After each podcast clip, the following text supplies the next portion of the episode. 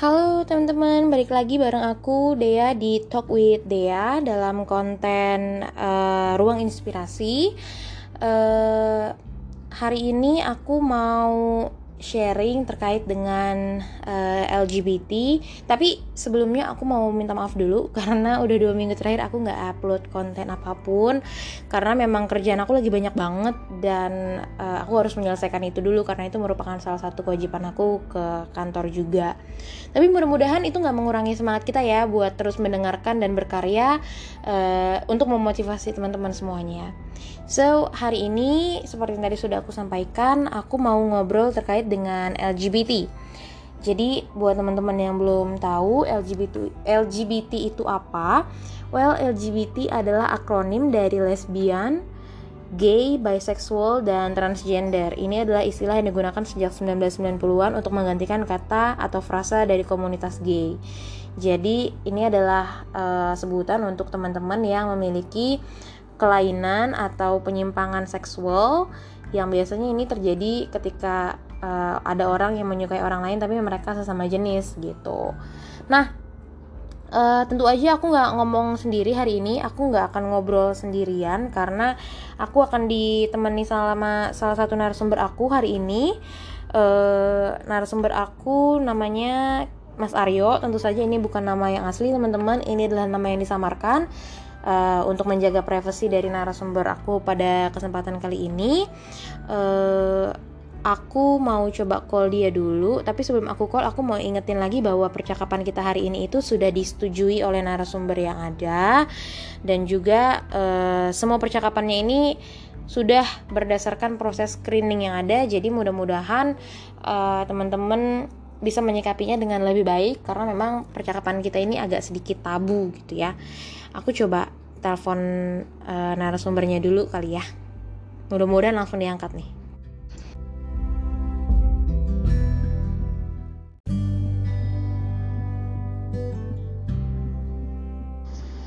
Oke, jadi ini uh, aku udah terhubung dengan narasumber kita hari ini. Ada Mas Aryo. Halo, Mas Aryo. Halo. Apa kabar? Alhamdulillah baik. Alhamdulillah baik. Kesibukannya apa nih sekarang? Uh, sekarang lagi di rumah aja karena emang lagi pandemi corona ya. Jadi cuma di rumah aja. Kuliah juga lagi diliburin. Kuliah lagi diliburin. Oke, okay, So Mas Aryo, kita kan hari ini mau eh, ngobrolin terkait dengan LGBT yang kemarin udah gue bilang ya sama Mas Aryo. Oh. Jadi terkait dengan tema kita Don't Call Me Gay, I'm No Longer LGBT, boleh nggak sih Mas Aryo ceritain sedikit awalnya menyadari kalau Mas Aryo ini uh, penyuka sesama jenis tuh gimana sih? Uh, Oke, okay. sebelumnya uh, sebelumnya kalau dibilang uh, sejak kapan mm -hmm. atau yang pastinya itu kapan itu susah dijawab karena emang ini tuh bukan sesuatu yang tiba-tiba atau uh, dibuat-buat. Okay. Jadi ini tuh emang kayak perasaan yang memang kok ada gitu di dalam diri kita gitu kan, bukan sesuatu yang kita buat-buat sendiri. Jadi uh, untuk awal mulanya itu kalau gue sendiri ngalaminnya uh, untuk mengagumi uh, mengagumi seseorang uh, dalam tanda kutip laki-laki ya, mm -hmm. itu dari SD okay. SD emang udah kayak kok uh, keren kok ganteng ya kayak gitu cuman itu kan cuma sebatas mengagumi mungkin karena dulu nggak se belum ada pemikiran ke arah sana kan nah lanjut uh, eh, SMP SMP itu udah mulai kelihatan karena mungkin masa pubertas ya mm-hmm. jadi SMP itu udah mulai kelihatan uh, tanda-tanda bisa dibilang tanda-tanda udah kayak uh, semakin semakin mengagumi laki-laki terus uh, kayak ngerasa kayak ada yang berbeda gitu ya kan di dalam diri gue. Sampai akhirnya di awal masuk SMA itu udah bener-bener kayak oh kayaknya gue emang udah beda nih dari kebanyakan orang-orang kayak gitu. Oh jadi realize-nya menyadarinya itu pas lo masuk SMA berarti bener-bener menyadarinya gitu ya? Iya betul tapi uh, sorry nih lo di posisi yang jadi si ceweknya atau jadi si cowoknya? Uh, gue sendiri sih ngalamin di posisi sebagai ceweknya. Nah kalau boleh tahu nih kan uh, biasanya ya biasanya ini kan ada juga teman-teman gue banyak lah yang kayak gini. Tapi mayoritas sih mereka yang cewek sama cewek gitu. Nah biasanya tuh kalau cewek sama cewek kan mereka terjadi ketika uh, misalnya let's say gue lah Seand, uh, andai kan gue memang ada di posisi itu. Biasanya tuh itu terjadi karena gue ada trauma sama bokap gue atau gue pernah uh, ngelihat nyokap gue disakitin sama bokap gue. Sehingga akhirnya gue menimbulkan rasa benci sama laki-laki gitu. Akhirnya gue nggak suka nih sama laki-laki. Gue kesel aja bawaannya. Kalau dari lo sendiri gimana sih mas? Maksudnya lo apa sih penyebabnya? Mungkin nggak ada pernah trauma atau memang tiba-tiba itu ya ada aja gitu. Nggak nggak tahu kenapa tiba-tiba ngerasa gitu aja. Oke, okay. Eh, untuk setiap orang mungkin beda-beda ya uh, secara mereka ininya. Cuman kalau gue sendiri tuh karena emang dari kecil tuh udah kayak ngerasa berbeda. Cuman gue juga masih bingung sama diri gue sendiri. Nah, ketika akhirnya masa pubertas itu, gue baru nyadarin uh, kok kayaknya emang berbeda dari orang-orang. Kalau dibilang trauma, kalau trauma sih nggak ada ya berarti emang itu bisa disimpulin emang pure dari dalam diri gue sendiri yang emang gue rasain bukan yang karena trauma atau karena disakitin orang-orang sih. Oh gitu. Berarti memang lu lu nggak ada ini ya nggak ada trauma sama perempuan sama ya, sekali gitu nggak ada cuman kalau uh, cuman kalau sepengetahuan saya memang untuk di posisi kita ngomongin di posisi perempuannya ya hmm. kebanyakan untuk di posisi perempuan itu kebanyakan memang uh, mereka yang uh, dari kecil atau uh, menginjak dewasa itu memang mereka sudah mengalami sisi feminim jadi okay. kalau untuk si cewek itu memang dari kecil udah kayak feminim mainnya sama cewek dan lain-lain yang berbau cewek lah pasti nah untuk di posisi laki-laki itu biasanya mungkin mereka uh, yang saya ketahui mungkin karena mungkin pertama mungkin karena faktor uh, ini diputusin pacarnya karena sakit hati mm-hmm. atau juga mereka ketika dewasa itu pernah ngalamin sakit hati lalu uh, ada nih salah satu temennya atau siapanya yang deketin dia terus dia kayak nyaman kok uh, nyaman ya di dekat dia dia tuh kayak uh, peduli sama gue nah itu juga bisa timbul dan pasti semua orang beda-beda sih rasa ininya munculnya kayak gimana hmm. oke okay, nah ini sorry ya mas Aryo lo nih hmm. uh, memang pure penyuka sesama jenis atau lu bisex maksudnya lu suka sama perempuan juga gitu hmm.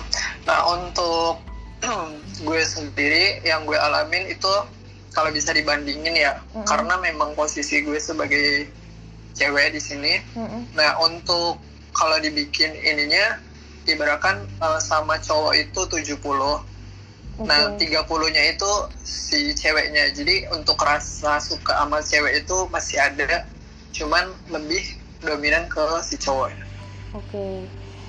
nah uh, lo kan udah ngejalanin hubungan lah. Gue bilang ya ngejalanin hubungan maksudnya uh, ada hubungan spesial sama sesama jenis gitu. Nah wah selama lo menjalani itu gitu kan itu lo gimana sih? Maksudnya perasaan dalam diri lo tuh gimana? Apa memang lo nyaman gitu? Lo happy atau justru uh, lo ngerasa bersalah? Lo lo tahu nih salah gitu. Atau gimana sih sebenarnya? Uh, untuk di awal-awal ya kayak kita juga uh, kalau gue sendiri gue juga masih kayak bingung kok gue bisa ya kayak gini kok gue kayak gini gitu. Padahal gue gue udah tahu kalau emang uh, cowok itu ditakdirkan sama cewek gitu kan. Kenapa ini kok beda? Uh, pasti itu jadi pertanyaan uh, jadi tanya tanda tanya besar banget di dalam hidup gue. Dan sampai sekarang pun gue kayak masih uh, kayak masih berlawanan sama diri gue yang di dalam diri gue gue pengen ini tapi uh, di dalam itu juga gue pengen itu jadi kalau dibilang perasaannya selama ini gue awal-awal itu ngalamin uh, senang-senang aja ya karena ya memang hmm. itu menurut gue itu kayak nurutin Jati uh, diri apa lo yang gitu kita ya. mau Mhm. uh, terus juga itu nurut bisa gue bilang itu juga nurutin nafsu gue. Nah semenjak semakin ke sini gue baru kayak ngerasa capek ya. Karena emang gue udah bergelut di dunia kayak gini tuh udah lama. Semakin ke sini tuh semakin kayak bosen. Dan kayak apa sih uh, di sini tuh nggak ada titik um, puasnya gitu. Hmm. Kalau cewek sama cowok kan mungkin mereka akan berakhir dengan pernikahan. Nah kalau si cowok sama cowok ini kan mereka cuman uh, berakhir di, uh, di- berakhir di seks doang ya bisa Hmm. dikatakan kayak gitu. Mhm. Oke, nah eh tapi lo ada niat untuk berubah, maksudnya untuk kembali ke seseorang yang lebih baik gitu, yang normal gitu. Hmm. Nah, seperti yang gue bilang tadi untuk gue sendiri itu kan gue masih ada rasa suka sesama eh, sorry suka dengan lawan jenis. Mhm. Nah, untuk niat itu sebenarnya udah lama banget, udah udah pernah gue niatin. Cuman karena menurut gue ya, cuman karena faktor lingkungan eh, menjadi salah satu faktor yang aki- mengakibatkan gue terjun lagi ke dunia kayak gini gitu. Mhm. Bisa dibilang faktor lingkungan sih. Tapi lo berarti ada ya, berarti memang lo ada keinginan untuk berubah ya. Kalau untuk niatan itu emang sudah ada sejak dari lama. Oke. Eh apa sih yang buat lo tuh kepikiran untuk berubah gitu? Apakah karena eh, ingat keluarga atau ya buat diri lo sendiri atau gimana sih, Mas? Eh, kalau gue sih pertama ya pasti keluarga karena gue pikir nggak selamanya gue bakal kayak gini terus nggak selamanya gue bakal berada di titik kayak gini nurutin hawa nafsu gue sendiri nurutin apa yang gue mau karena menurut gue hidup ini bakal berjalan ya nggak mungkin gue stuck di sini aja. Nah yang kedua gue juga eh, beberapa tahun belakangan ini juga mencari eh, sumber-sumber tet- apa sumber-sumber yang bisa dibilang eh, mengenai dunia kayak gini. Mm-mm. Eh, jadi gue nggak mau berpikiran di satu sisi tapi juga sisi yang lain. Nah sampai akhirnya gue nemuin eh, sebuah titik di mana gue kayaknya kalau gue cuma mikirin satu sisi atau kata-kata orang eh, dan tidak membandingkan dengan satu sisi yang lain maka kayaknya gue eh, nggak tahu nih sisi mana yang benar. Nah di situlah gue mulai berpikir kayaknya gue uh, harus bisa melihat uh, bagaimana sih dunia kayak gini nih di sisi agama kayak gitu. Nah di situ gue mulai berpikir dan mulai menggali lagi uh, ternyata memang di dalam agama apa pun uh, untuk kasus seperti ini tuh memang dilarang dan tidak dibenarkan dalam agama apa pun Hmm. dari situ gue mulai berpikir bahwa kayaknya emang ini tuh tumbuh atau diciptain dengan diri kita sendiri nurutin apa yang kita mau dan kita nggak tahu yang kita lakuin tuh benar apa salah gitu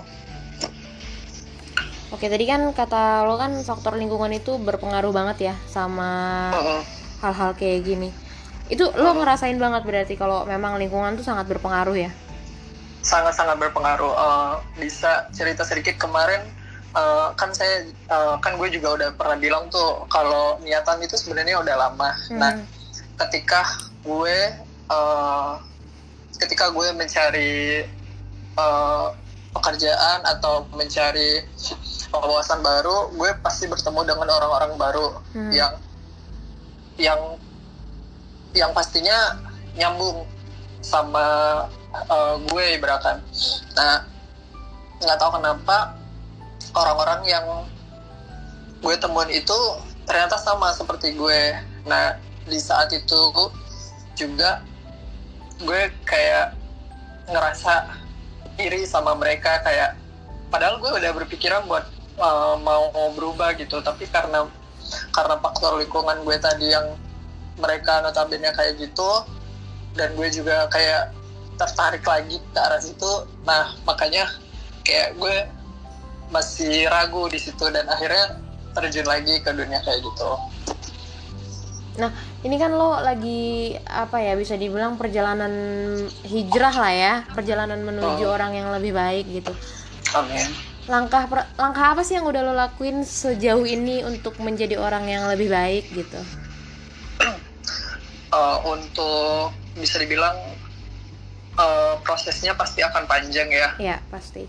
uh, langkah pertama sih yang pertama itu pasti gue uh,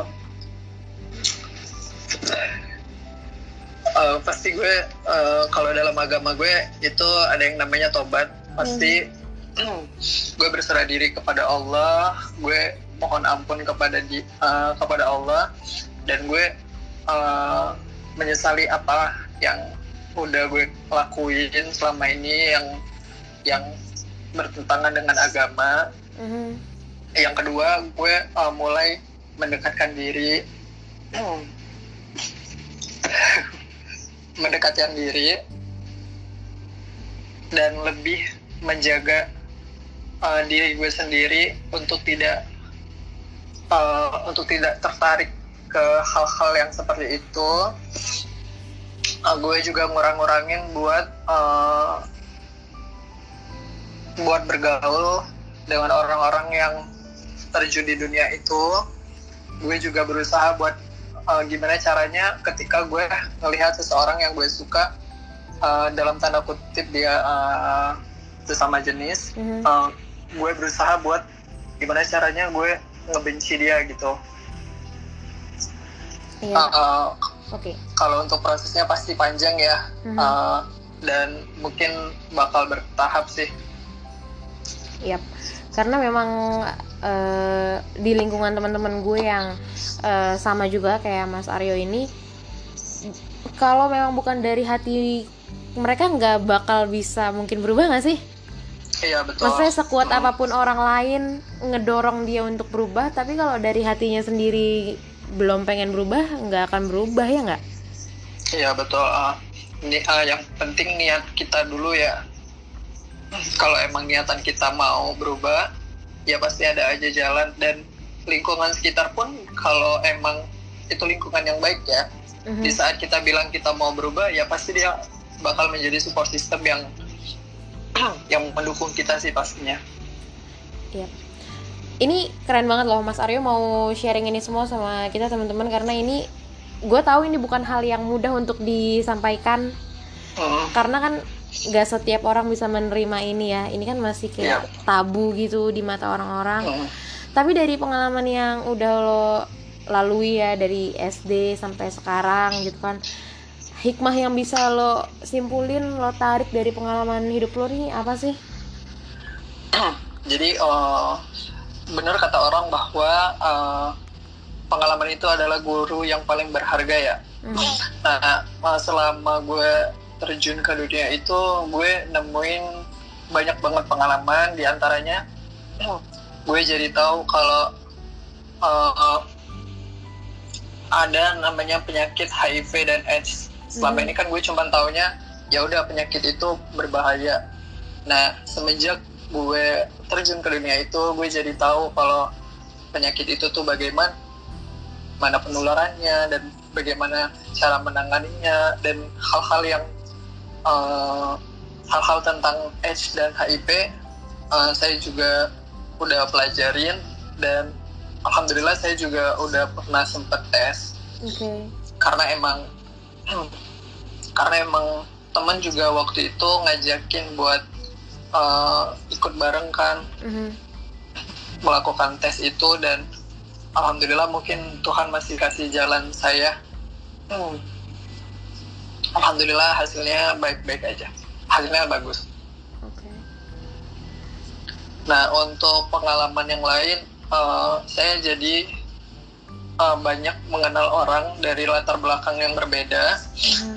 gue juga eh, nemuin banyak orang yang uh, banyak orang yang ternyata memang walaupun mereka kayak gitu tapi mereka tetap sama kayak orang lain gitu mereka tetap mempunyai rasa peduli mereka tetap uh, mempunyai rasa sayang yang sama uh, terhadap sesama manusia kayak gitu dan mm-hmm. menurut gue orang-orang uh, yang kayak gitu tuh sebenarnya sama sama orang lain cuman yang membedakannya ya mungkin di ini mereka ya di di apa ya namanya mungkin di pemikiran mereka aja okay. Terus uh, ada nggak sih pesan-pesan yang mau lo sampaikan buat teman-teman yang saat ini masih uh, ada di situasi yang sulit yang dulu lo laluin dan teman-teman yang mungkin sekarang ini juga lagi sama-sama berjuang kayak lo nih mau berubah juga mau jadi orang yang lebih baik gitu. Oke, okay. uh, eh, gue tahu banget jadi kayak gini tuh bukan sesuatu keinginan lo atau ini tuh bukan sebuah pilihan. Cuman gue pengen kalian tahu kalau hidup ini terus berjalan. Nggak selamanya lo bisa ada di zona nyaman. Ketika lo bisa terjun ke dunia itu, ke dunia gelap itu, artinya lo belajar dari perspektif orang-orang mengenai dunia gelap itu. Mm. Nah, gue juga pengen lo juga belajar buat memahami memahami uh, dunia gelap itu dari segi agama dan lo bandingin keduanya. Jangan cuma nurutin nafsu lo doang. Jangan cuma nurutin egois ego lo doang. Jangan cuma nurutin kata hati lo doang. Karena kalau lo nurutin itu semua berarti lo cuma belajar dari satu sisi yaitu sisi perspektif orang-orang mengenai dunia gelap. Tapi lo nggak eh, nggak uh, balancein sama si segi agama tadi. Dan lo nggak tahu sisi mana yang benar dari kedua sisi tersebut. Nah, untuk siapa pun yang dengar ini dan atau orang-orang yang di sekelilingnya ada orang-orang yang kayak gini, gue cuma mau bilang mereka nggak pernah memilih buat dilahirkan seperti ini.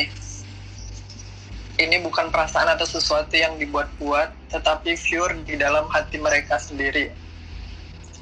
Jadi jangan memandang mereka dari satu sisi, kalau kalian nganggap mereka sampah, ingat kalau sampah juga bisa didaur ulang. Oke, okay. ada lagi Mas Aryo? Uh, itu aja sih paling ya. Itu aja. Oke Mas Aryo, makasih banyak buat waktunya, buat sharingnya yang sangat bermanfaat malam ini. Gue berdoa, berdoa banget semoga Mas Aryo uh, bisa menjadi pribadi yang lebih baik dan semoga Amin. di dilancarkan jalannya sama Tuhan disegerakan untuk menjadi Amin. pribadi yang lebih baik ya Mas Aryo Amin. sehat terus Mas Aryo sukses terus ya semangat terus ya sama-sama makasih ya makasih ya Mas sharing. Aryo bye ya. Oke teman-teman eh, itu tadi sharing kita sama Mas Aryo uh, jujur gue speechless. Aku speechless banget.